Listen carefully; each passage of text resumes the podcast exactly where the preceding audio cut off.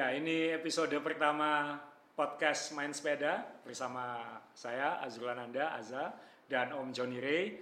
Uh, kita berharap tiap minggu bisa uh, hadir diskusi tentang goes karena memang hobi goes ini di Indonesia sedang booming-boomingnya. Ya, Jadi makin apalagi setelah pandemi ini ya. Betul.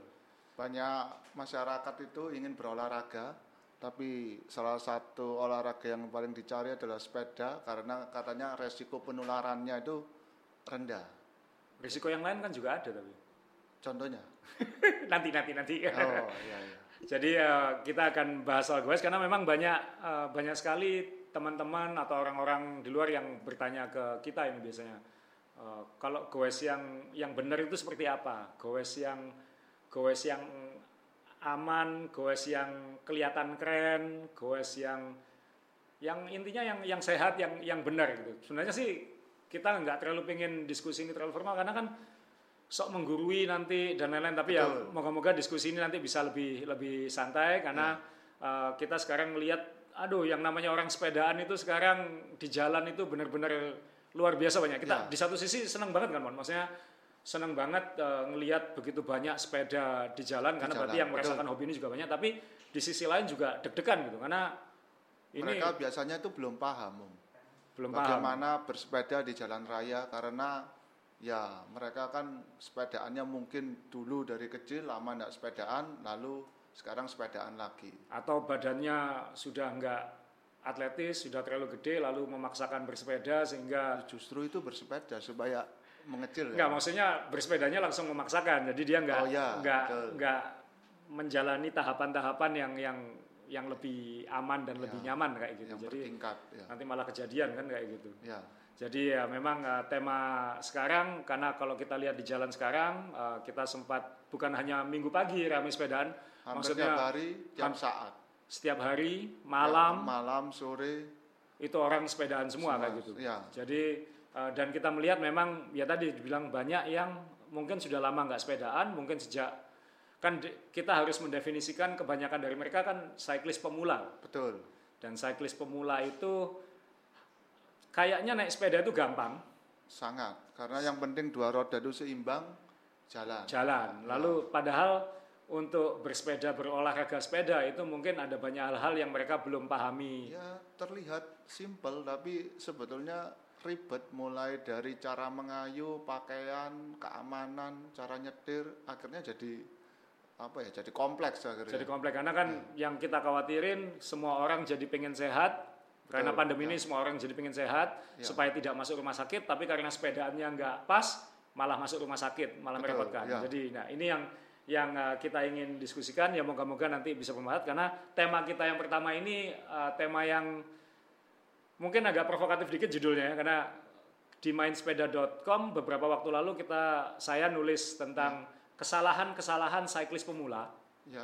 dan responnya ternyata luar biasa gitu maksudnya ribuan yang yang klik baca itu gitu Oh, yang membaca, bukan yang komplain ya. Eh, mungkin mau komplain tapi kan juga namanya saran bacaan kan mungkin ada benarnya juga nah Oh ya. maksudnya kita kita uji di sini kita diskusikan di Ya, sini paling enggak kita berusaha jelaskan ya. ya jadi jadi detailnya seperti Ya, apa betul, ya. pengalaman kita seperti apa gitu jadi supaya lebih jelas. Karena- Yang kita maksud gimana? Karena kadang-kadang ditulis itu imajinasi orang tidak sesuai dengan apa yang kita inginkan, jadi malah ke mana-mana. Gitu, ya. dan kita punya pengalaman cukup sepedaan, eh, pengalaman goes cukup lama, pengalaman beli sepeda cukup cukup, Ya, kesalahan beli juga cukup, kesalahan bersepeda sudah merasakan, ya. kemudian eh, Kecelakaan juga. kecelakaan juga sudah ya. pernah.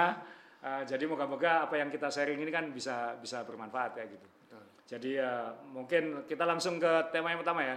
Ya, Om Joni ya karena uh, sebenarnya ada beberapa poin uh, di tulisan di main sepeda itu yang berkaitan dalam satu tema. Jadi bagaimana goes yang benar. Ini berkaitan dengan posisi, ya, berkaitan dengan uh, postur badan, berkaitan dengan teknik mengayuh pedal. oke. Jadi posisi kalau kalau pertama beli sepeda ini yang sering salah jebakan yang yang saya sering lihat ya kalau Ya. orang pertama beli sepeda Ah. itu salah beli ukuran sepeda. Nah, ini orang itu kan biasanya ndak umum sama ukuran sepeda. Iya, kalau Apa sepeda yang itu ada membuat- ukurannya ya. Iya, kan ka- sama kayak baju berarti Iya. ada ukurannya. Apa yang membuatnya beda itu kan harus jelas mereka. Nah, kalau misalnya Om Joni beli sepeda, apa yang pertama di, dicari? Atau misalnya begitu dapat sepeda yang ukuran yang pas, ukuran apa yang paling utama ketika nyetel sepeda itu juga gitu? Paling enggak yang paling utama itu adalah jarak dari saddle ke bottom bracket ke engkolannya ini. Ke pedalnya ya? Ke bukan pedalnya. pedal, ke as, asnya, Asnya. ped- asnya keren ya? Asnya keren Iya. ya, sama dari saddle ke handlebarnya ini. Walaupun sepeda model balap, model seperti Sally itu Ya. poinnya sama. Karena tinggi rendah ini akan mengakibatkan eh, ak- cedera fisik yang bisa parah atau membuat orang itu jadi tidak senang sepedaan. Ya. Nah Contoh itu gini. itu yang pengen kita tekankan kan Ah, kadang-kadang betul. orang orang oh aku pengen sehat, aku sepedaan, Ya, salah beli sepeda. betul. Antara- nggak senang nantinya. Antara salah beli sepeda atau toko sepedanya juga tidak menginformasikan dengan benar. betul. Ya, Akhirnya salah sepeda. ya. Uh, sepedanya bagus, mahal sekali, Tapi harga tidak sesuai ukurannya. tapi sesu, nggak sesuai ukurannya ya. itu Jadi- sama seperti nanti akhirnya sepeda itu tidak jadi fun, tidak jadi menyenangkan untuk orang itu. ya, akhirnya dia bilang ini sepedaan nggak enak gitu. Padahal bukan nggak enak kan dia dia salah ukuran kayak gitu. Sama baju bagus, kalau kedodoran kan jadi tidak kelihatan bodinya. Ya maksudnya tidak jadi pas. Ya kalau kedodoran nggak apa, kalau kekecilan. Nah itu jadi ya. Ada yang lucu. kelihatan kan? Nah, ya kalau kelihatannya tujuannya udelnya bagus ya. kalau kayak saya kelihatan itu ada yang muntah. Jadi sekali lagi memang eh, beli sepeda itu nggak segampang ke toko lalu ngambil harus pastikan ukurannya pas. Ya. Kemudian eh, tinggi sadelnya harus pas, eh, handlebarnya jaraknya juga supaya posisi kan ya ini yang dimaksud kesalahan cyclist pemula tadi. Iya. Kita banyak melihat cyclist baru di jalan tapi posisinya jadi aneh gitu. Kan kadang-kadang mohon maaf kadang-kadang kayak beruang sirkus misalnya kan kayak gitu. Orangnya gede. Orangnya besar, Sepedanya kecil. kekecilan. Nah, Oh, jadi iya. jadi ini ini juga kan harus kelihatan Nah, tapi sebentar loh, Iya. kalau naik sepeda seperti gini, siapa pun seperti beruang sirkus. Jadi kita harus bisa memilah paling enggak yang dimaksud itu sepedanya seperti apa. Kalau sepeda Sally itu semua orang seperti beruang sirkus, sepedanya kecil, orangnya gede gitu kan. Enggak yang kecil. penting kan tinggi sadelnya ini pas Oh, gitu. iya. Jadi nggak nggak nggak dipaksakan misalnya kayak kan kalau di sirkus kan kadang-kadang kan kakinya nekuknya terlalu Nah, banyak posisi tangannya terlalu tegang begini terus Ya. eh, jadi kelihatan memaksakan diri gitu kan. Meskipun dia Sally kan tetap apa namanya eh, ada unsur filsafat ukurannya ini kan juga tetap ya. ada kayak gitu maksudnya tingginya ini pas supaya posisi Ya. lututnya pas jarak handlebarnya juga pas benar, ya. kan ini kan bisa dinaik turunkan Bisa. ditekuk-tekuk kan jadi supaya supaya dia pas jadi tetap intinya adalah posisi bersepeda ini kalau memang toko sepedanya nggak bisa ngasih masukan ya mungkin tanya ke teman-temannya yang yang sudah lebih lama bersepeda. yang sudah lebih bersepeda supaya bisa oh itu posisi apa posisi duduknya kurang tinggi Ya. kurang rendah nanti nggak enak kayak gitu. jadi kalau misalnya jangan malu tanya lah ini kayak gitu dan memang kadang-kadang toko sepeda juga nggak paham kan kayak gitu Ya karena enggak sepedaan orangnya. nah ini juga di Indonesia ini kadang-kadang yang punya toko sepeda itu kadang-kadang nggak sepedaan Ya banyak. itu itu itu sekali lagi juga harus harus eh, pembeli harus jeli juga gitu karena Ya. dia harus bisa memastikan dapat informasi yang tepat tentang sepedanya kayak Tapi gini om, misalnya ada orang tuh kan kadang-kadang nggak mau ribet. Hmm. Apa kekurangannya kalau dia tuh mau sepedaan asal-asalan aja, misalnya cuma ikut-ikutan atau cuman ya beli nasi eh, di sebelah rumah atau keliling komplek. Apa yang salah dengan sepedaan asal-asalan itu? Itu kan juga perlu di dipikirkan ya. Kasih- Kalau dia nggak peduli ya ngapain kita peduli kayak gitu. Ya enggak, tapi kan paling enggak kan dikasih masukan apa yang negatifnya buat orang-orang seperti itu di kemudian Khawatirnya kan cedera.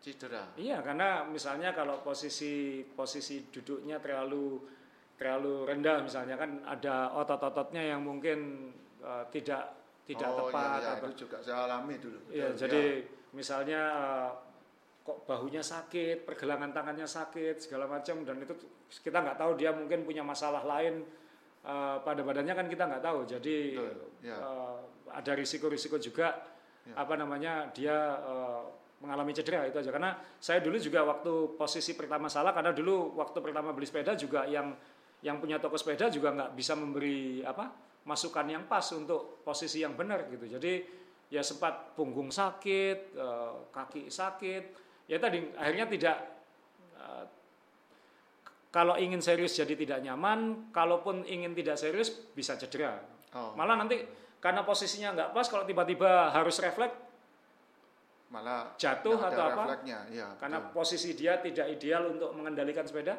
kan Benar, ya. Jangan meremehkan hal-hal sekecil apa pun kan kayak gitu Betul, ya kalau itu ya demi keamanan berarti perlu, Perlu. dan kesehatan juga. kan toh tidak harus presisi kan kalau presisi Ya. ya memang mungkin harus harus bike fitting yang yang itu mahal Ya, yang harus bayar jutaan rupiah untuk mendapatkan posisi yang paling presisi kayak gitu cuman untuk mengukur ukuran badan kita Iya. di sepeda itu jutaan. jutaan jadi kan Ya. ditempeli sensor segala macam supaya pas ya kalau memang ingin serius kan kita pasti rekomendasikan ke arah sana yang kan. profesional sekali. Karena- ya. supaya bisa lebih optimal performa dan kenyamanan dan keamanan kayak gitu. Oh, ya. Ya. Nah, terus yang berikutnya nih, em, oke posisi duduk sudah pas, tinggi Ya. sadel sudah pas, handlebar sudah pas, Ya. cara mengayuh. Kalau di jalan kan kelihatan mana yang pemula, Oh, mana yang sangat, tidak. Sangat. Apa ciri yang yang pertama? Pertama itu biasanya yang pemula itu pemakaian gearnya pasti senang dengan gear yang berat. Jadi kirinya diberatkan. Jadi berat. Jadi satu maksudnya itu kayak niru peribahasa tuh. Satu kali dayung dua tiga pulau terlewati. Jadi akhirnya dia ngengkolnya berat langsung jauh. Maksudnya gitu. padahal itu ada kirinya kan kayak gitu. Ada gearnya. Jadi yang yang ideal adalah, nah ini di tulisan itu memang di main sepeda memang saya tulis itu agak agak provokatif sedikit. Saya menyebutnya itu putaran kaki beca. Oh. Jadi- ya, memang Sepedanya mahal, kadang pakai sepeda balap, ya yang gearnya ada 12 di belakang, dua di depan, 24 24 speed, ya. tapi dia ngayuhnya seperti tukang beca.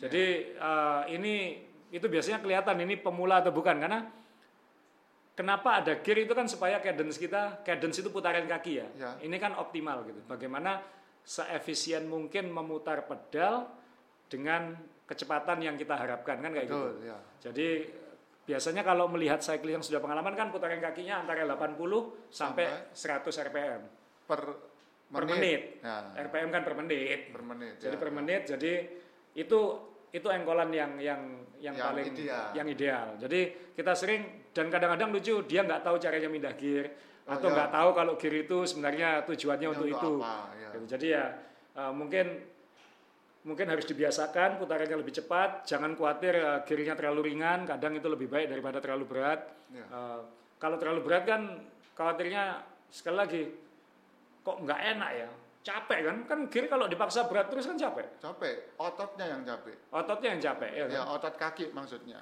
Karena sebetulnya kan kalau bersepeda idealnya membagi antara kerja jantung dan kerja otot kaki mestinya kan. imbang kan antara Imbang, jantung ya. dengan kaki ya. Ya, tapi ya jangan ndak imbang nanti ya seperti kejadian yang pernah kita saksikan dan alami sebelumnya itu Ya, teman-teman yang teman-teman yang jadi apa eh, ya jantungnya bermasalah jadi kita sering melihat tadi putaran kakinya memang terlalu terlalu berat Ya. eh, karena memang mungkin dia tidak tidak paham teknik bersepeda. Benar. Eh, ini juga harus perhatikan jadi kalau melihat sepedaan pastikan putaran kakinya eh, ringan nyaman. Antara 80 sampai 100. 80 sampai 100 rpm Ya, Eh, kemudian kenapa begitu? Supaya tadi balance di jantung dan kaki. Otot kaki. ya. Eh, kan bersepeda itu sebenarnya olahraga kardio yang sangat baik. Berarti kan sangat baik untuk melatih jantung, Ya, Eh, sama seperti lari misalnya kayak gitu. Ya.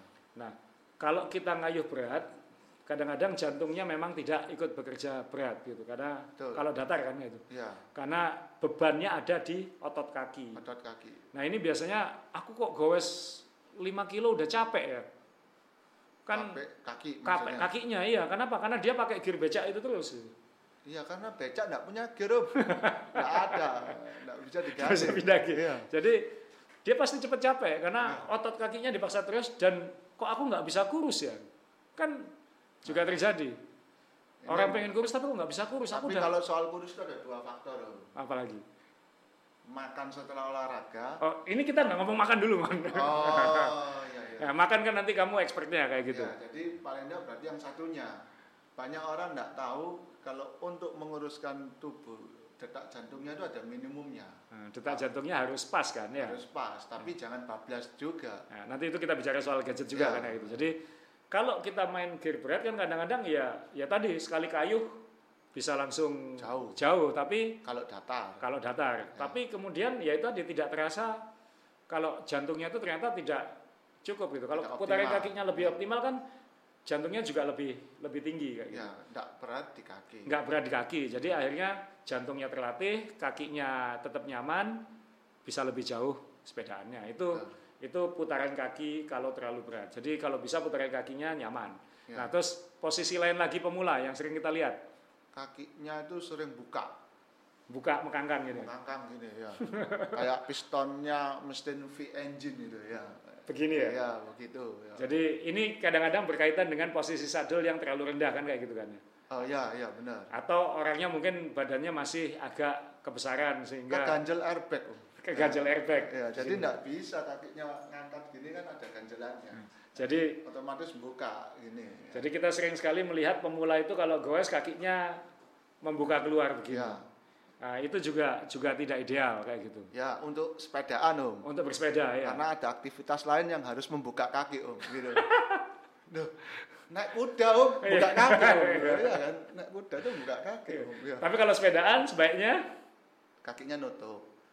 Lurus. Ketutup, agak nutup gini. lurus atau agak agak masuk ke dalam Agak ya. masuk, ya. Lututnya agak masuk ke dalam. Ya, kayak yang atlet-atlet itu om. Karena kalau kita lihat atlet di di video kan kelihatan kakinya masuk ke dalam begini ya. Ya, Itu itu pasti lebih eh, lebih ideal karena beda. satu tadi ada kaitannya dengan kalau posisinya dibuka gini itu berarti kan antara pinggul, Sama lutut Nah. sama engkelnya itu nggak se nggak sejajar. Ya. akhirnya nanti bisa mengakibatkan cedera, sakit, eh, macam-macam lah. Kalau Ya, kalau biasa di lutut dalam. lutut dalamnya sakit ya. Ya. Berarti dulu termasuk yang mengangkang ya. Ya, ya om dulu kan ada airbagnya. Jadi kalau posisi kita mengangkang ini pinggul, lutut dan engkelnya tidak sejajar. Jadi itu bisa bikin eh, cedera.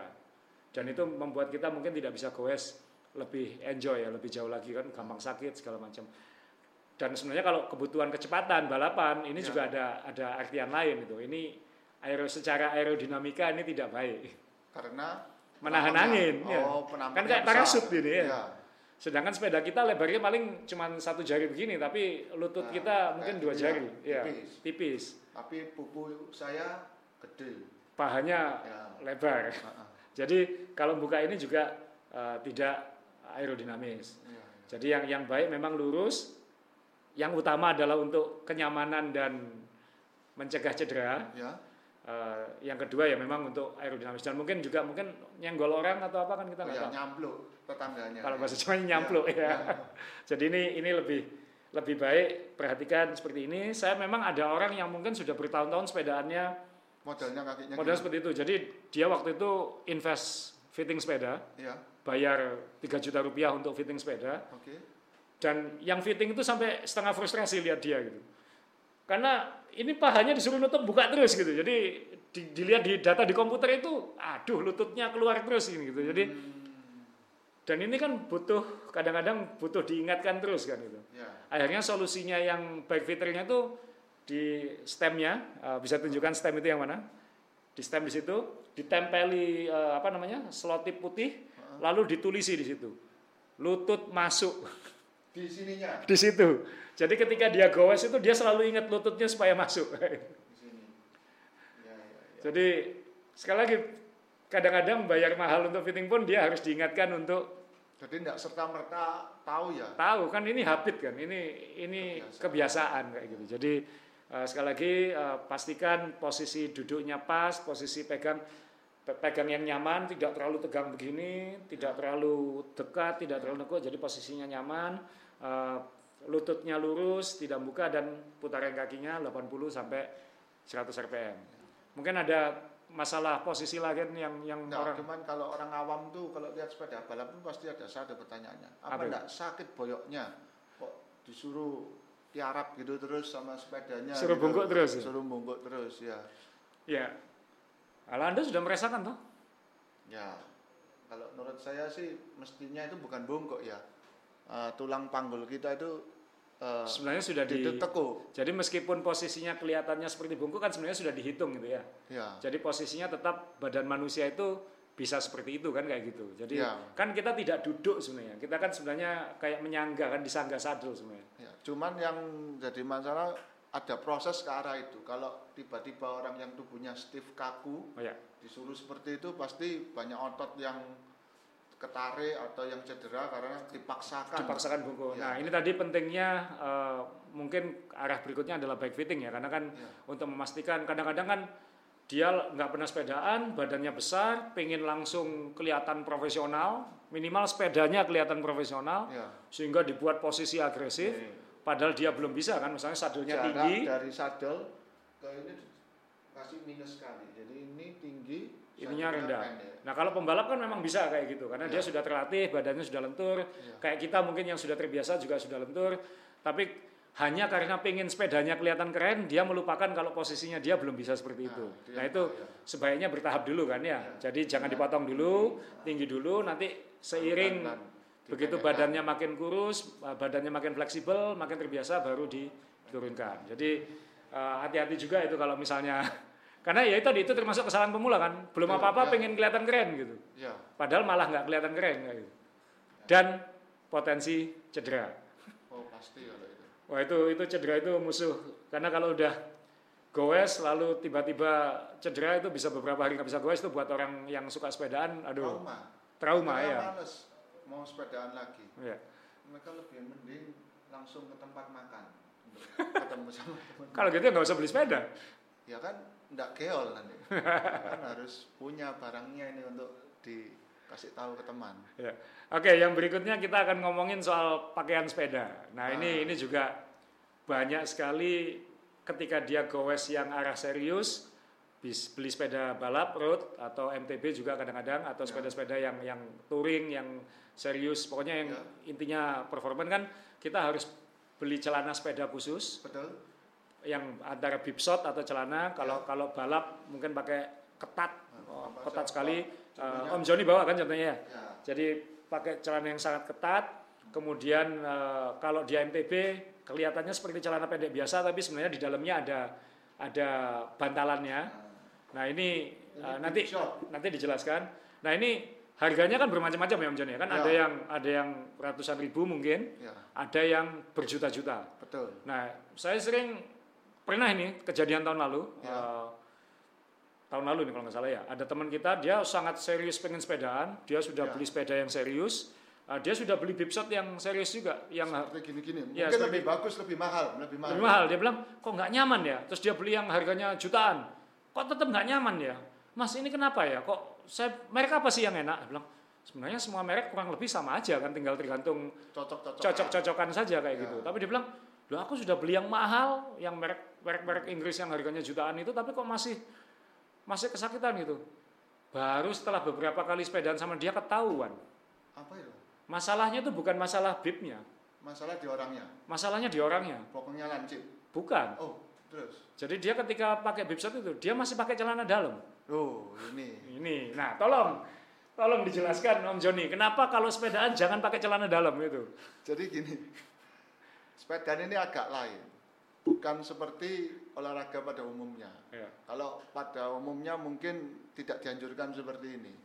Celana sepeda itu khusus seperti ini. Ya. Dalamnya ini ada busa, busa atau busa atau, atau gel, atau ya, apa. ya. Tapi ini tidak menyerap air seperti yang di supermarket pakai wing itu ya. Bukan, bukan.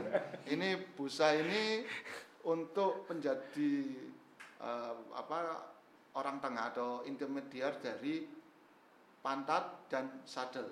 Nah, sadelnya sepeda balap tuh biasanya cenderung keras-keras. sepeda lipat ini juga keras kayak gitu Iya, tapi enggak itu masih lebih empuk, Iya. gabusnya lebih tebal. Tapi biasanya seperti ini, namanya padding. Nah, kalau kita tuh pakai celana dalam, seumpamanya gini, ada kain di antara eh, kulit dan celana, gesekannya tuh lebih banyak. Jadi barang barang bergerak semua itu kan ya. Iya, jadi nah ya gimana ngomongnya ya. Jadi kain ini akan nyesel-nyesel di lipatan-lipatan itu. Nah, itu akan menimbulkan friksi-friksi yang nggak perlu. Ininya nggak bisa lecet. Ininya nggak lecet. Ininya nggak lecet. Nah, yang lecet yang satunya. Yang satunya, ya. Yang lecet satunya. Nah, itu Yang lecet bagian yang sangat sangat penting untuk manusia kan kayak gitu kan ya. Ya, penting betul. Ya. Nah itu juga harus dijelaskan kenapa sadel sadel itu keras karena memang eh, kadang-kadang memang eh, sebenarnya tidak keras ya dia ada hitungannya kan ya. Ya. Dia sebenarnya kalau ketika ditindihin eh, Sebetulnya pengendara ada empuknya. ada ada ada lunaknya sebenarnya tapi memang dibuat cenderung lebih keras. Ya, Kenapa? tapi bukan sofa. Bukan. Bukan, bukan sofa, betul. Ya. Jadi karena memang yang pakai sepeda pakai padding gitu. Nah ya. kalau sadelnya terlalu lunak, lunak ketemu lunak, efek gesek-gesek tadi ketemu lagi gitu. Betul. Jadi barang lunak ketemu barang lunak kan dia pasti Gerakannya jadi ke mana-mana. ada friksi ke mana-mana dan itu bisa mengakibatkan Lecet tadi. lecet lagi Iya. gitu. Lecet atau kadang-kadang sampai luka kan kayak gitu. Ya. Jadi teman teman kita itu ya ternyata ternyata kenapa kok kamu tuh selalu komplain eh, pantatnya sakit, lecet ya. Kamu pakai celana dalam. Jadi kan jadi lecet. jadi lain kali lepas itu celana dalam gitu kan. Maksudnya ya kamu sudah beli beli beli bib shot harga jutaan ya itu memang kalau pakai bib shot jangan pakai celana dalam kayak gitu. Betul. Nah, kita sebenarnya nggak enak menyebut nama anaknya gitu kan ada kasihannya. Oh. Ya, tapi lama-lama dipikir namanya Edward gitu. Jadi Oh, iya, iya, eh, dan itu lucu sekali memang, itu lucu sekali dia kita karena dia ini sudah lama sekali sepedaan, Iya. sudah ikut komunitas, Iya. tapi nggak ada yang menjelaskan ke dia kalau pakai bib shot itu nggak pakai celana dalam. Oh, nah setelah dicopot celana dalamnya Dia sekarang termasuk yang paling kuat gitu. wah ini. Jadi Tapi masih ada yang bisa ngejar. Masih lah, Oh. masih. Jadi kalau nanti dia nggak pakai celana mungkin lebih banter lagi. Nah, mungkin nanti kita sarankan ke dia sekalian nggak pakai celana. ya, gitu. saya nggak mau sepedaan sama dia Iya. kalau gitu. Nah, jadi tadi ya siapa tadi yang sepedaan selalu pakai celana dalam namanya Edward gitu. Oh, Jadi gitu. kalau marah kontak saya. Oh, Oke. Ya. Jadi, nah itu tadi kenapa pentingnya pakai padding dan itu nggak perlu pakai celana dalam. Jadi banyak pemula karena mungkin malu tanya ya, malu Ya. tanya atau nggak ada temennya yang menjelaskan kan kayak gitu. Malu om bahas gini-gini om. ya. Nah.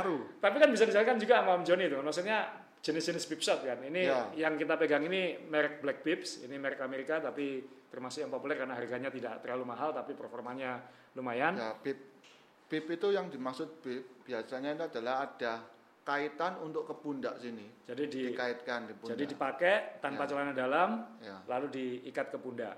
Ini kalau orang ngomong ya baju monyet gitu ya kebanyakan ya. Maksudnya bukan saya monyet tapi bukan cyclist itu monyet tapi bajunya yang monyet gitu. Iya. Nah, ini fungsinya apa? Supaya nanti kalau kita pakai ketika bersepeda goyang terus gini, ini tidak melorot, Jadi dia Ah. tertahan terus sama pundak kita. tertahan Iya. karena dikaitkan di pundak. Iya. Nah, bahannya ini khusus. Ketika menyentuh badan itu tidak menimbulkan gatal-gatal. Jadi Ya. Mungkin gini terus sepedanya jatuh Nggak mungkin. atau melorot, narik-narik celana terus. Mungkin bisa di, diangkat tinggi itu supaya Nah, ya, itu talinya. Jadi- Itu yang namanya bib shot. Bib shot. Jadi itu memang diikat di Nah, itu memang bikin repot kalau pengen ke toilet ya. Iya, karena harus buka bajunya dulu, jersinya dulu harus dibuka, Buka. baru ini dibuka. Kalau untuk buang air kecil gampang, kalau cowok tinggal tinggal ya, bisa tarik. ditarik, Bisa depannya. ditarik. Ya. Tapi kalau untuk perempuan sekarang ada Bajunya om ya yang ditarik ya. ya kalau ah, jangan itu yang sakit. Nah, kalau untuk perempuan biasanya ada ada seperti tali maaf tali bra itu jadi ada Ya. pengaitnya yang bisa dilepas supaya gampang ketika ke Oh. toilet. Jadi nggak perlu buka.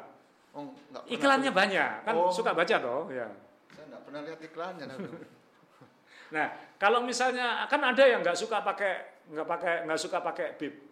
Bisa masih ada. Jadi ada yang namanya shorts ya. short, Jadi Jadi sama tidak- pakai padding, pakai padding, tapi tidak ada Talinya. kaitanan, kaitannya. ya. Jadi Ini biasanya orang MTB-an atau sepeda-sepeda yang ya masih bisa dibilang masih nggak mau terlalu ewo untuk apa terlalu repot untuk nyopot. ya, Ini nah, bisa pakai yang model gini. ini juga saya pakai kalau touring-touring. Jadi Kenapa misalnya kalau touring misalnya goes eh, kan bukan balapan ya, misalnya goes antar kota Ya. yang tujuannya untuk ratusan kilometer dari satu tempat ke tempat lain naik sepeda Ya. touring kayak gitu, ini lebih nyaman. Jadi kalau misalnya goesnya kan kadang dari gelap sampai gelap gitu. Jadi Betul. kalau misalnya ingin ke toilet segala macam paling gampang pakai short kayak gitu. Jadi Nyopotnya, nyopotnya langsung. langsung. ya kayak gitu. Jadi ada beda pakai bib sama ada pakai pakai short kayak gitu. Ya. Jadi itu fungsinya. Jadi kalau kalau pakai ini jangan pakai celana dalam. Jadi bukan pampers ini ya Om ya. Itu bukan. Tapi pembalap katanya banyak pipis di sadel sih. Cuman kan ya Ya. itu nanti kalau kita ngundang pembalap aja suruh cerita ya. Oke. Ya. Jadi itu soal uh, nggak pakai celana dalam. Ya. Jadi uh, terima kasih kepada teman saya Edward yang sudah menjadi inspirasi uh, tema ini karena salahnya dulu cerita. Oke, yang yang berikutnya ini tentang uh, tadi kan uh, kita bicara soal posisi segala macam. Uh, cyclist kalau sudah lebih serius dia pengen bagaimana caranya supaya kelihatan lebih kayak cyclist dan goesnya lebih performanya bisa lebih tinggi kan sepatunya juga juga khusus. Oh ya. Jadi uh, uh, orang sepeda itu memang pakai sepatu biasa bisa, tapi sebenarnya yang lebih efisien, yang lebih baik untuk olahraga itu sepatu yang yang melekat ke Clipless. pedal, Oh, clipless iya. pedal namanya. Ya. Kenapa? Karena kalau kita tidak pakai klit, kita hanya mendorong pedal kan kayak gini, hanya satu dorongan aja, Menendang saja. hanya menginjak ya, menginjak menendang. Sedangkan kalau kita diikat jadi satu, ketika posisi kita ke belakang ikut menarik pedalnya. Jadi powernya dapat dalam satu putaran, bukan sekedar setengah ke depan itu. Oh, gitu. dan Jadi juga kata, biasanya tuh katanya menolong. Kenapa? Kalau yang satunya naik, yang satunya kan nginjak. Iya. Jadi menolong, jadi enggak enggak melulu nginjak gitu Jadi powernya lebih merata kan. kan ya, ya. muternya Nah, bisa ini- saling ini- menolong. Kita bawa, saya bawa contoh ini sepatu road dan ada sepatu MTB. Ini Om Joni bisa jelaskan yang sepatu MTB mungkin. Jadi ada dua jenis sepatu ya kayak gini. Jadi yang yang untuk dipakai MTB atau touring atau untuk apa untuk komuter itu biasanya lebih tipe-tipe seperti ini. Jadi bawahnya seperti sepatu biasa ya. Iya. Ini sepatu cenderung dibilang sepatu MTB. Pedalnya biasanya istilahnya pedal MTB itu karena lubangnya cuma dua, kecil dan klitnya itu sangat kecil. Dan bolak-balik biasanya klitnya. Jadi gampang masuknya ya. Oh ya, dan kecil, gampang lepas. Di sekitar klitnya ini masih banyak karet-karet untuk nahan ketika cyclist itu perlu jalan atau perlu membawa sepedanya. Karena kalau MTB-an kan enggak, mu- eh, misalnya Kadang-kadang harus turun dari sepeda ya. harus turun dari sepeda Ya. dan membawa. Jadi seperti MTB, cyclocross, komuter. Iya. Nah, itu lebih cenderung klitnya seperti ini.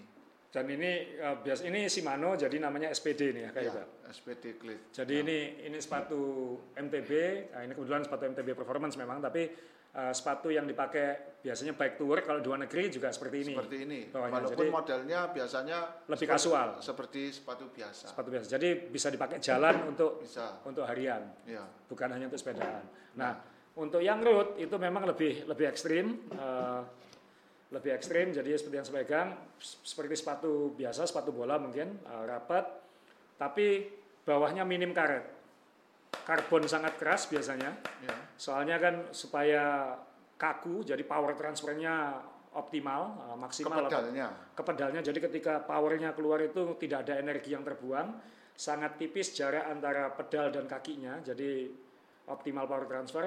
Dan klitnya biasanya lebih rumit. Kebetulan yang saya bawa ini yang agak kurang umum sebenarnya. Ini namanya speed play. Uh, karena saya pakai speed play karena saya ada masalah ankle jadi pedal speed play itu pedalnya itu sangat kecil kayak lollipop. Jadi yang dipasang di sepeda hanya segini. Itu bisa bolak-balik itu ya. bisa bolak-balik jadi bisa bisa dipasangkan di dua sisi. Jadi sangat cepat uh, dan itu menancap permanen seperti ini. Nah, ini harus harus diinjak ya jadi harus ada daya. Jadi uh, pedalnya hanya segini.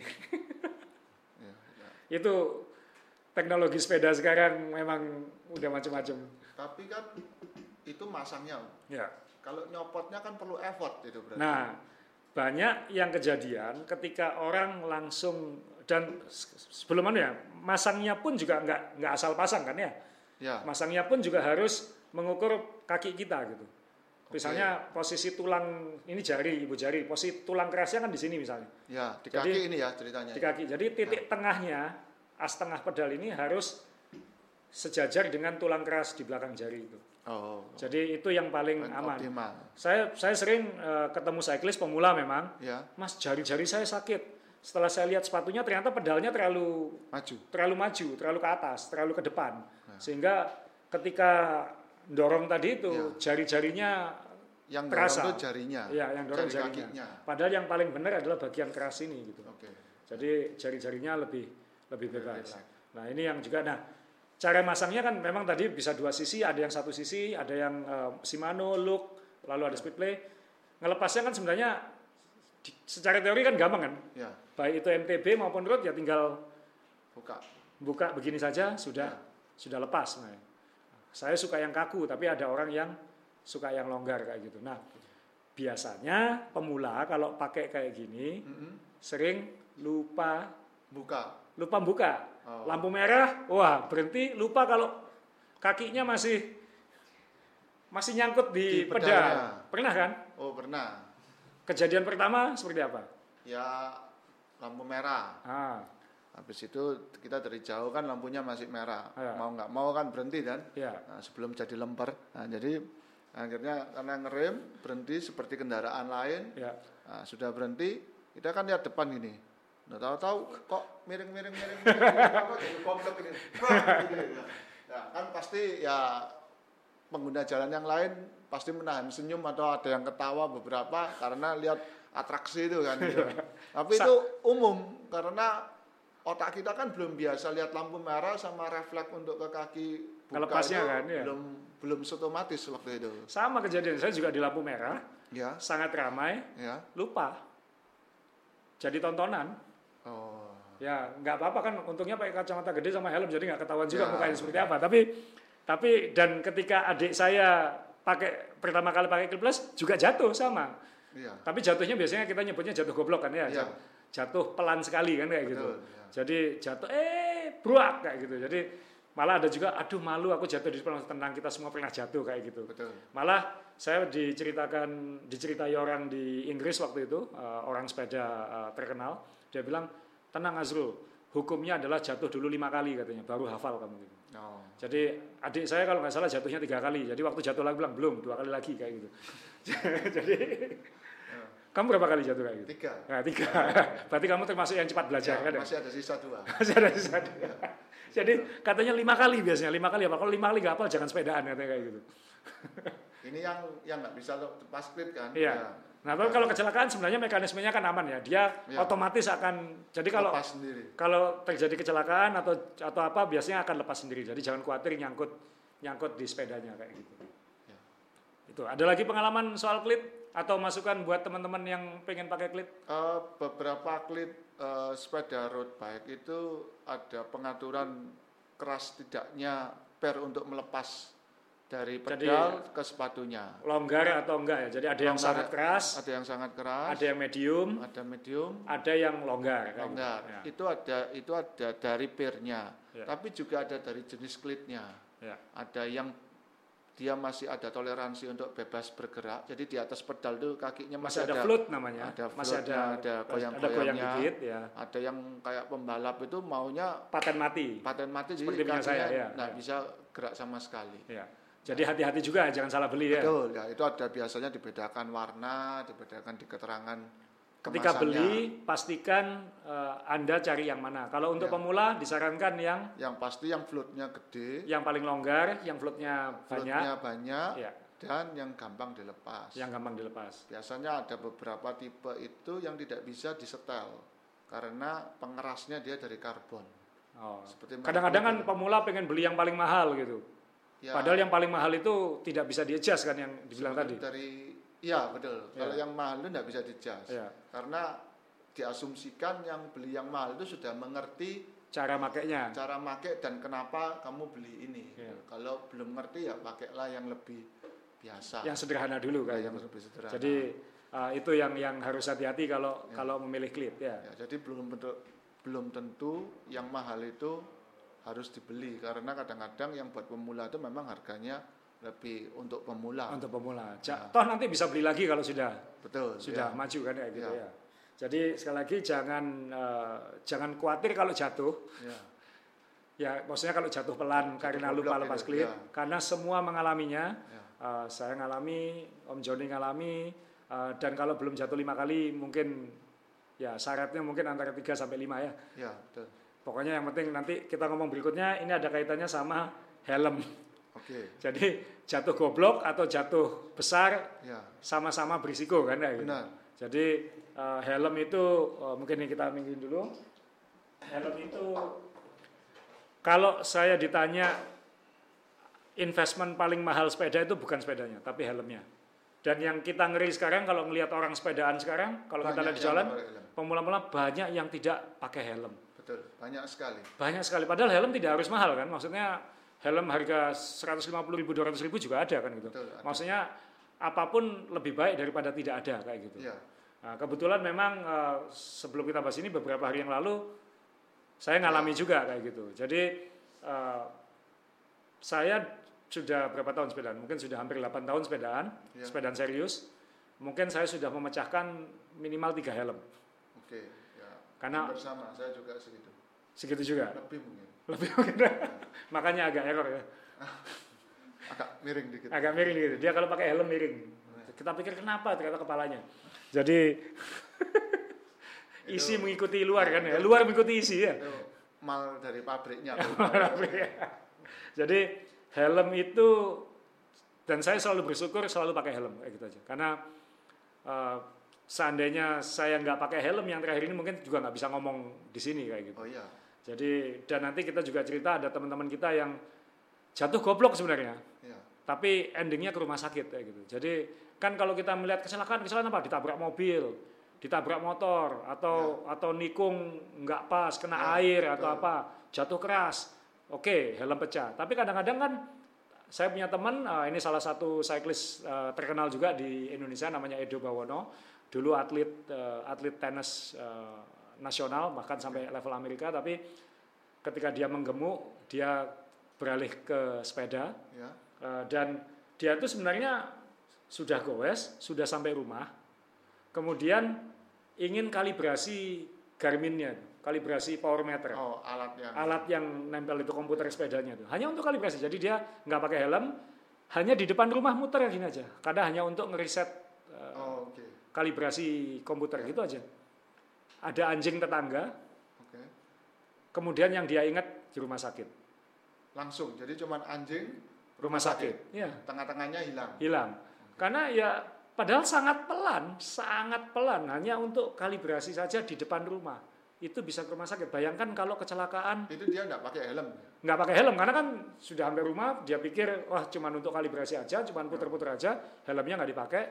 Dan begitu dia uh, siuman, ketika dia selesai, dia ngirim uh, WA ke saya waktu itu. Srul, apa pun yang terjadi pakai helm, dia bilang kayak gitu. Karena memang Oh benar oh, di mana-mana dulu saya juga gitu. Kalau mau keluar malam mingguan, eh jangan lupa helmnya loh ya. nah, itu helm yang apa? Oh, loh ini? sama. Helm kepala. Oh iya ya, sama itu juga di kepala. Kepala yang berbeda. Jadi ini tadi yang saya ceritakan itu ini penyok. Kalau dilihat penyoknya, eh, kalau dilihat di dalamnya pecah. Eh, kebetulan ini saya bersyukur pakai helm yang lumayan canggih karena ada teknologi MIPS ini MIPS. Jadi di dalamnya ada tambahan plastik. Kalau kepala kita kebentur tidak sampai muntir karena yang muntir Helmnya. helmnya bukan kepala kita kayak gitu. Oke. Jadi kejadiannya waktu itu eh, tanjakan sangat curam, Ya. jalanan sepi naik ke gunung, speed hanya 8 km per jam karena tanjakannya 15 persen. Ya, Jadi 15 persen itu kan sangat curam, betul. pelan, tidak ada kendala apa-apa, tiba-tiba brak ditabrak dari belakang. Ada motor yang ngebut, Oke. yang mungkin tidak bisa kontrol atau apa, Ya sehingga karena curam tadi itu. karena curam tadi atau mungkin ya mungkin dia kasihkan ngebut atau apa, saya jadi korban kayak gitu. Ya, ini juga tambahan. Biasanya begini. Ketika tanjakan itu semakin curam, Iya. para pengguna kendaraan yang bermotor Iya. itu akan mengegas kendaraannya dengan lebih cepat Iya. karena dia tidak mau lost power ketika ada di tanjakan. Iya. Nah, kadang-kadang nah, sebaliknya sama sepeda. Ya. Sepeda karena tenaganya pakai otot dan nasi, ketika ditanjakan biasanya kita tuh akan siksak di tanjakan kan.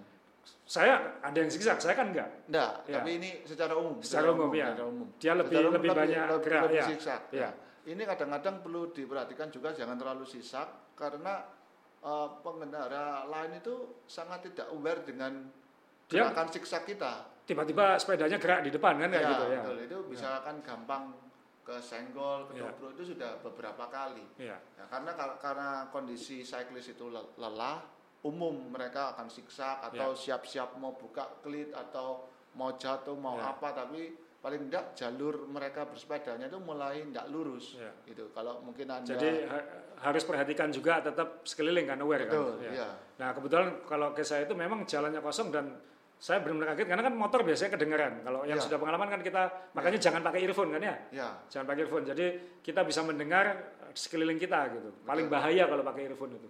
Jadi ketika itu ya benar-benar kaget karena rupanya dia benar-benar ngebut ngebut sekali kayak gitu. Oke. Ya ya kepala dan saya langsung terpelanting ke belakang. Eh, Nah. kepala ke belakang yang yang kena duluan. yang kena duluan helm helm belakang ini Waktu ya. kepala, punggung, punggung, punggung. pinggul, punggung dan kepala Jadi jatuhnya ke belakang ya. Ya. Jadi eh, mungkin karena tanjakannya curam juga ya, jadi Ya. pasti ke belakang ini. Jadi ini ini helm kesekian yang sudah saya pecahkan. Ya kalau sudah gini jangan dipakai lagi karena ini sudah sudah tidak sama, ini sudah sudah pecah dalamnya. Jadi jangan dipakai lagi. Eh, entah ini mau saya museumkan atau mau diapakan. Eh, tapi kejadian seperti ini sudah sering saya alami. Jadi sekali lagi helm, helm itu eh, kita saya sering kalau di peloton kita ya, kalau di Ya. peloton kita ada orang nggak pakai helm ingin gabung, saya biasanya usir. Gitu. karena Karena keamanan tadi. karena keamanan, bukan apa-apa. Mungkin itu kepala dia, tapi kalau terjadi sesuatu pada dia, kita juga kena kayak gitu. Oke. Kan ya, kita nggak tahu. Teman kita ketika sepedaan waktu itu. Karena bersamaan dengan kita kayak Ya. gitu. Jadi eh, mungkin ada banyak juga saling ingatkan, tidak peduli itu sepedaannya pelan. Saya juga pernah bilang gini, saya ngingetin orang, eh pakai helm bahaya, saya bilang kayak gitu. Dia bilang, enggak, aku cuma pengen gue sehat kok. Ya, Itu logika nggak? ya enggak karena kalau jatuh bejut kepalanya kan enggak sehat. Nah, ya makanya.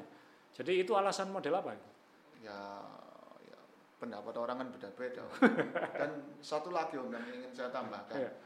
Helm ini didesain kalau jatuh untuk menjalankan fungsinya, dia akan pecah. Dia harus pecah kan ya? Dia harus pecah. Dia Jadi harus pecah. jangan eh, dikira ketika helm ini pecah dia jelek Iya. karena fungsinya harus pecah dulu baru kepalanya aman. Iya. Jadi yang rusak helmnya Kepalanya nggak apa-apa. Karena Justru- ketika nah, dia remuk atau pecah itu dia meredam benturan kepala kan kayak ya, jadi kalau helm itu mungkin mungkin kalau helmnya kuat, helmnya enggak apa-apa, jangan sampai kepalanya yang ada apa-apa. Jadi teorinya itu katanya eh, kalau helmnya itu utuh, Ya. di dalamnya yang gonjang. Ya, kopior. Kopior ya, Ya, jadi kopior. otaknya ya gonjang. Jadi helm memang harus pecah Pecah kalau terjadi kecelakaan. kalau terjadi kecelakaan. ya.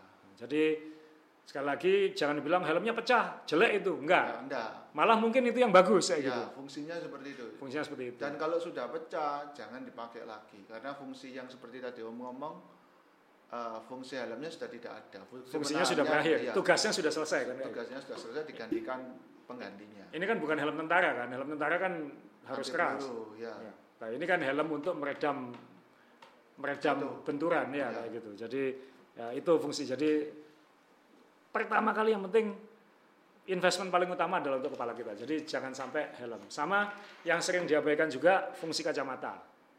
Ini juga juga sering diabaikan. Ini helm bukan buat gaya aja dong. bukan kan banyak orang beli saya pengen beli yang paling mahal, yang paling yang paling gengsi kayak gitu.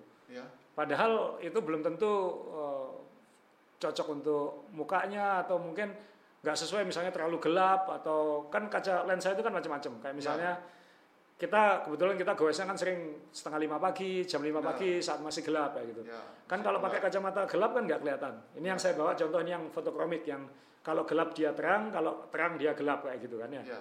jadi kadang-kadang ya eh, juga perhatikan lensanya juga. Jadi Oke. kalau keluarnya gelap-gelapan ya mungkin cari yang yang Terang. yang terang kayak gitu karena ini untuk keamanan. Kan nggak lucu sepedanya keren jalannya nggak kelihatan. Ya. Sama sebenarnya kan fungsinya bukan hanya untuk untuk Gaya. gaya atau untuk membantu melihat cahaya kan. Ini kan ada fungsi yang lain. Saya pengalaman kok ada kerikil kan ketika kita di jalan Ya. itu kan ada banyak barang bertebaran sebenarnya. Ya biasanya debu, Debu, kerikil kecil. kerikil kecil-kecil yang Ya. sering serangga Ya. karena saya juga pernah ada kerikil saya bisa ngeliat banget itu kerikil menuju ke wajah saya gitu untung pakai kacamata gitu Oke. kalau enggak kan mungkin mata saya juga sudah nggak ada gitu. Nah, Jadi mas- ma- object. Ya, masalahnya tapi kan kalau matanya minus, kalau saya kan pakai kontak lens. Nah, Ya. Om Joni kan pakai kacamata Nah, minus. Saya pakai kacamata. Jadi Om Joni kalau goes dia nggak nggak pakai ka- kontak lens, dia pakai kacamata normal, Sepeda. kacamata sepeda tapi yang ukuran. Minus, ya. Coba bisa dijelaskan kalau kalau milih kacamata yang untuk sepedaan seperti apa yang dipilih? Kalau buat saya nomor satu Ya, eh, pasti jangan yang seperti tadi, jangan yang kacamata hitam tuh. ya, Eh, biasanya kacamata saya juga fotokromik yang bisa berubah warna dari bening ke gelap. Kalau kena sinar UV jadi gelap. ya, Nah, itu pertama. Kedua, biasanya jarak antara frame ini ke ke muka itu kalau kacamata sepeda saya biasanya lebih nempel. Hmm. Jadi karena posisi sepeda itu cenderung agak Kepala nunduk, kita nunduk terus ya. ya. lihatnya kayak orang main lihat gini, ya, Ya. kan? Ya.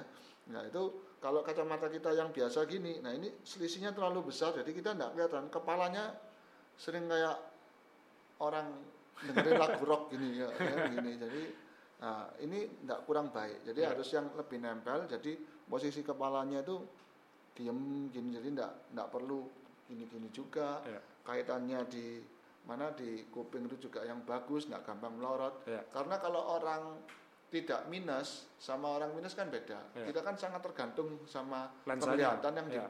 balik lensa ini. Ya. Kalau melorot gini, ini kita nggak nggak kelihatan. Jadi Ya. pasti nah, cari nah ini, cari mana yang kelihatan ini. Jadi beda. Jadi cari kacamata yang senyaman mungkin untuk bersepeda. Mungkin tidak enak untuk dipakai biasa seperti ini. Jadi kacamata sepeda saya tidak saya pakai Harian? sehari-hari, ya. Nah, tapi kacamata sehari-hari juga jangan dipakai Bersepeda, sepedaan. Kalau ya. itu bisa berbahaya kan? Ya, Kan kadang-kadang jalan kita nggak rata bergelombang, ya. dudut-dudut gitu, Itu melorot. kacamatanya melorot atau gini-gini atau malah terlempar itu juga bahaya gitu Ya.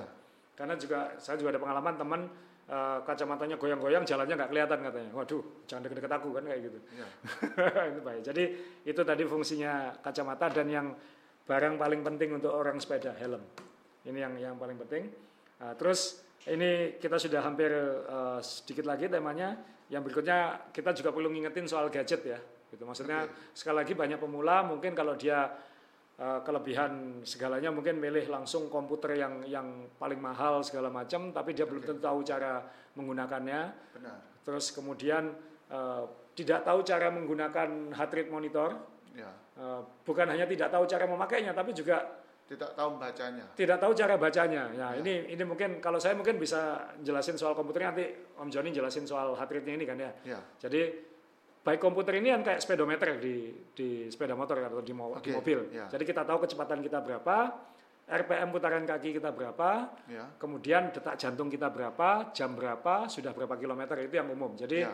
eh, pastikan eh, dipelajari betul fungsi karena kadang-kadang yang paling mahal itu juga lebih rumit lagi. Jadi ada hitungan persentase maksimum atau power atau apa itu yang yang kita mungkin eh, tidak eh, tidak paham di awal. Kalau memang tidak paham jangan pakai itu dulu kan kira-kira kayak gitu. Ya paling tidak data itu tidak ditampilkan karena itu kan juga bisa disetting data. Bisa disetting ya. Ya. Jadi pastikan yang yang berguna saja dulu utama. Ya. Nah, kalau heart rate monitor yang paling sering eh, kesalahannya apa biasanya? Biasanya gini, heart rate monitor itu kan untuk membaca, mendeteksi berapa degup jantung kita per menit. Ya. Biasanya eh, banyak cyclist itu perlu itu biasa. Pertama ada yang takut, Hmm. takut kena serangan jantung. Ya. Saya bukan dokter jantung, tapi paling tidak bahaya jantung itu kita masing-masing ini harus tahu dari awal. Kita punya gejala jantung apa enggak. Hmm. Karena mem- dari heart rate monitor ini tidak langsung terbaca kamu sakit jantung kan nggak mungkin ya karena dia hanya membaca degupnya pada saat itu aja Ah, nah, tapi di sini sebagai cyclist kita itu perlu tahu paling enggak rate beatnya kita itu berapa ketika saat itu karena satu kita punya titik minimum di mana Ya. kita itu olahraga itu paling enggak detak jantung kita harus berapa Ya. Nah, di satu di sisi yang lain ya kita ketika kita memaksakan diri maksimum itu berapa detak jantung kita Jadi, Rumusnya 220 dikurangi umur itu yang paling sederhana ya. Ya. Sebenarnya ada hitungan yang lebih rumit, tapi Ya. hitungan paling gampangnya adalah 220 dikurangi umur. Jadi Ya. kalau umurnya 40, ya 180 itu Ya. maksimalnya 100 persennya ya kan Ya, berarti saya 200 kan masih umur 20. 200 masih umur. Beberapa tahun yang lalu maksudnya. Ya. Jadi itu acuannya. Jadi memang ini juga pengalaman kita juga. Kita saya pernah dimarahin. Jadi ada teman kita yang meninggal serangan jantung ketika sepedaan. Ya, Dia tidak pernah cerita ke kita semua kalau dia punya masalah jantung. betul. Tapi kita tahu dia, kita juga sering mengingatkan dia untuk jangan terlalu nafsu karena dia suka uh, Nafsu itu dalam arti memaksakan diri. memaksakan diri. Kita Ya. ngebut dia ikut ngebut gitu. Ya. Uh, kita sprint dia ikut sprint. Padahal mungkin dia belum waktunya ke situ gitu. Oke, Nah, ya. kejadian dia gowes sama teman kita yang lain serangan jantung Dan meninggal. mati di tempat. Ya. Iya mati di tempat meninggal. Jadi ketika kita ke ke acara maisongnya istrinya marah-marah ke kita kan. Kalian ini tahu nggak? Ya marah ke saya. Kalian ini tahu nggak kalau dia itu punya masalah jantung? Ya terus terang kita tidak ada yang tahu kayak gitu. Oh, Jadi kan eh, kalau kita tahu dia punya masalah jantung, tentu kita akan mengingatkan. mengingatkan bahwa jangan ikut-ikut yang ini. Ya. Belum waktunya kayak gitu. Saya sering om di jalan seperti itu. Hmm, Ketika rombongan para penjahat itu lewat, ya. kan kalau kita Kamu kan penjahat. Enggak, saya orang baiknya om, karena paling belakang. Jadi ketika kita itu lewat, biasanya ada pemula itu merasa ingin ikut kan, Nggak pengen kalah ya? nggak pengen kalah, Ya, nempel. ya. Saya teriak dari belakang, percuma, om penjahat semua itu, kasihan jantungnya, saya Hmm, bilang gitu. Itu di sepeda saya ngomong gitu. Diingatkan, jangan ikut-ikut ini. Ya, ini satu. penjahat semua gitu ya. Ya, penjahat semua. Satu, kalau dia ngikut, dia nggak bisa menguasai. Nah, teman-teman ini kan sudah biasa balap liar di tengah-tengahnya Kendaraan. bimo, kendaraan, Ya.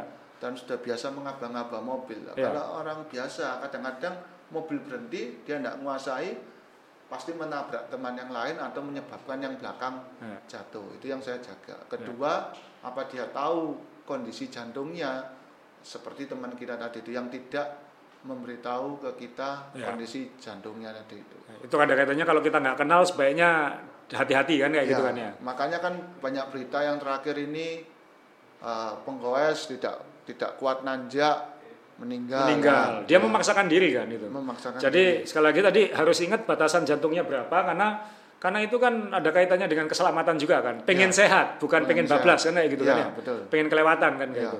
Jadi eh, juga jangan terlalu nafsu. Jadi sekali lagi eh, hati-hati eh, untuk pemula karena anda mungkin lama nggak olahraga, Ya, sepedaan, nggak tahu kalau anda punya masalah, ya, lewat kayak gitu. lewat. Yang kasihan teman-temannya kan kayak gitu. Ya, pasti bingung. Pasti Karena bingung. beberapa itu juga kalau lama enggak olahraga, dia ingat akan kekuatannya ketika dulu masih kuat. Ya, padahal sekarang sudah nggak kuat sebenarnya. Bukan karena kan tiba-tiba dari tidak pernah berolahraga, Ya. tiba-tiba memaksakan Ikut jan- jantung Ya. untuk porsi olahraga yang full. Sama seperti kita yang nggak biasa makan banyak, tahu-tahu disuruh makan lima porsi ya, akhirnya muntah pasti. kurang lebih sama analoginya ya, ya. orang lain kalau saya ya nggak apa-apa. Tapi catatan khusus tadi Om Rem, Om Johnny Ray ini kan mengingatkan kalau ada yang ingin ikut penjahat katanya jangan ikut-ikut karena begitu orang itu minggir biasanya dia jadi yang penjahatnya yang ke depan biasanya kayak gitu. Ya lihat lihat golongannya om. Saya selalu ada kolam yang lebih besar kan gitu ya. Kita punya teori kalau kita goes jauh-jauh Om Johnny jangan dikasih makan.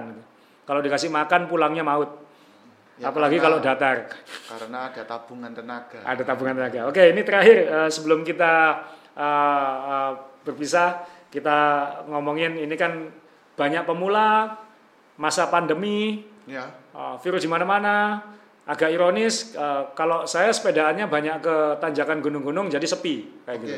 Tapi sekarang ini menuju ke gunungnya ramai sekali. Betul.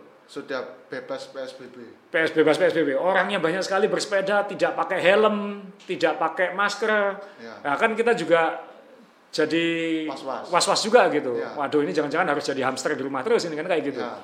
Nah, ini kan kita harus ingat nanti kita sekarang bicara tentang goes di tengah pandemi ini. Oke. Karena ini juga banyak yang tanya gitu. Ya, Yang aman gimana? Karena 100% aman kan tidak mungkin. tidak bisa. Mungkin aman dari virus tapi nggak aman dari kendaraan yang lain kan Ya, juga itu. juga bisa Betul. terjadi. Ya. Jadi kalau saya sih sekarang agak gampang filsafatnya kalau goes memastikan saya goes dengan orang-orang yang saya kenal.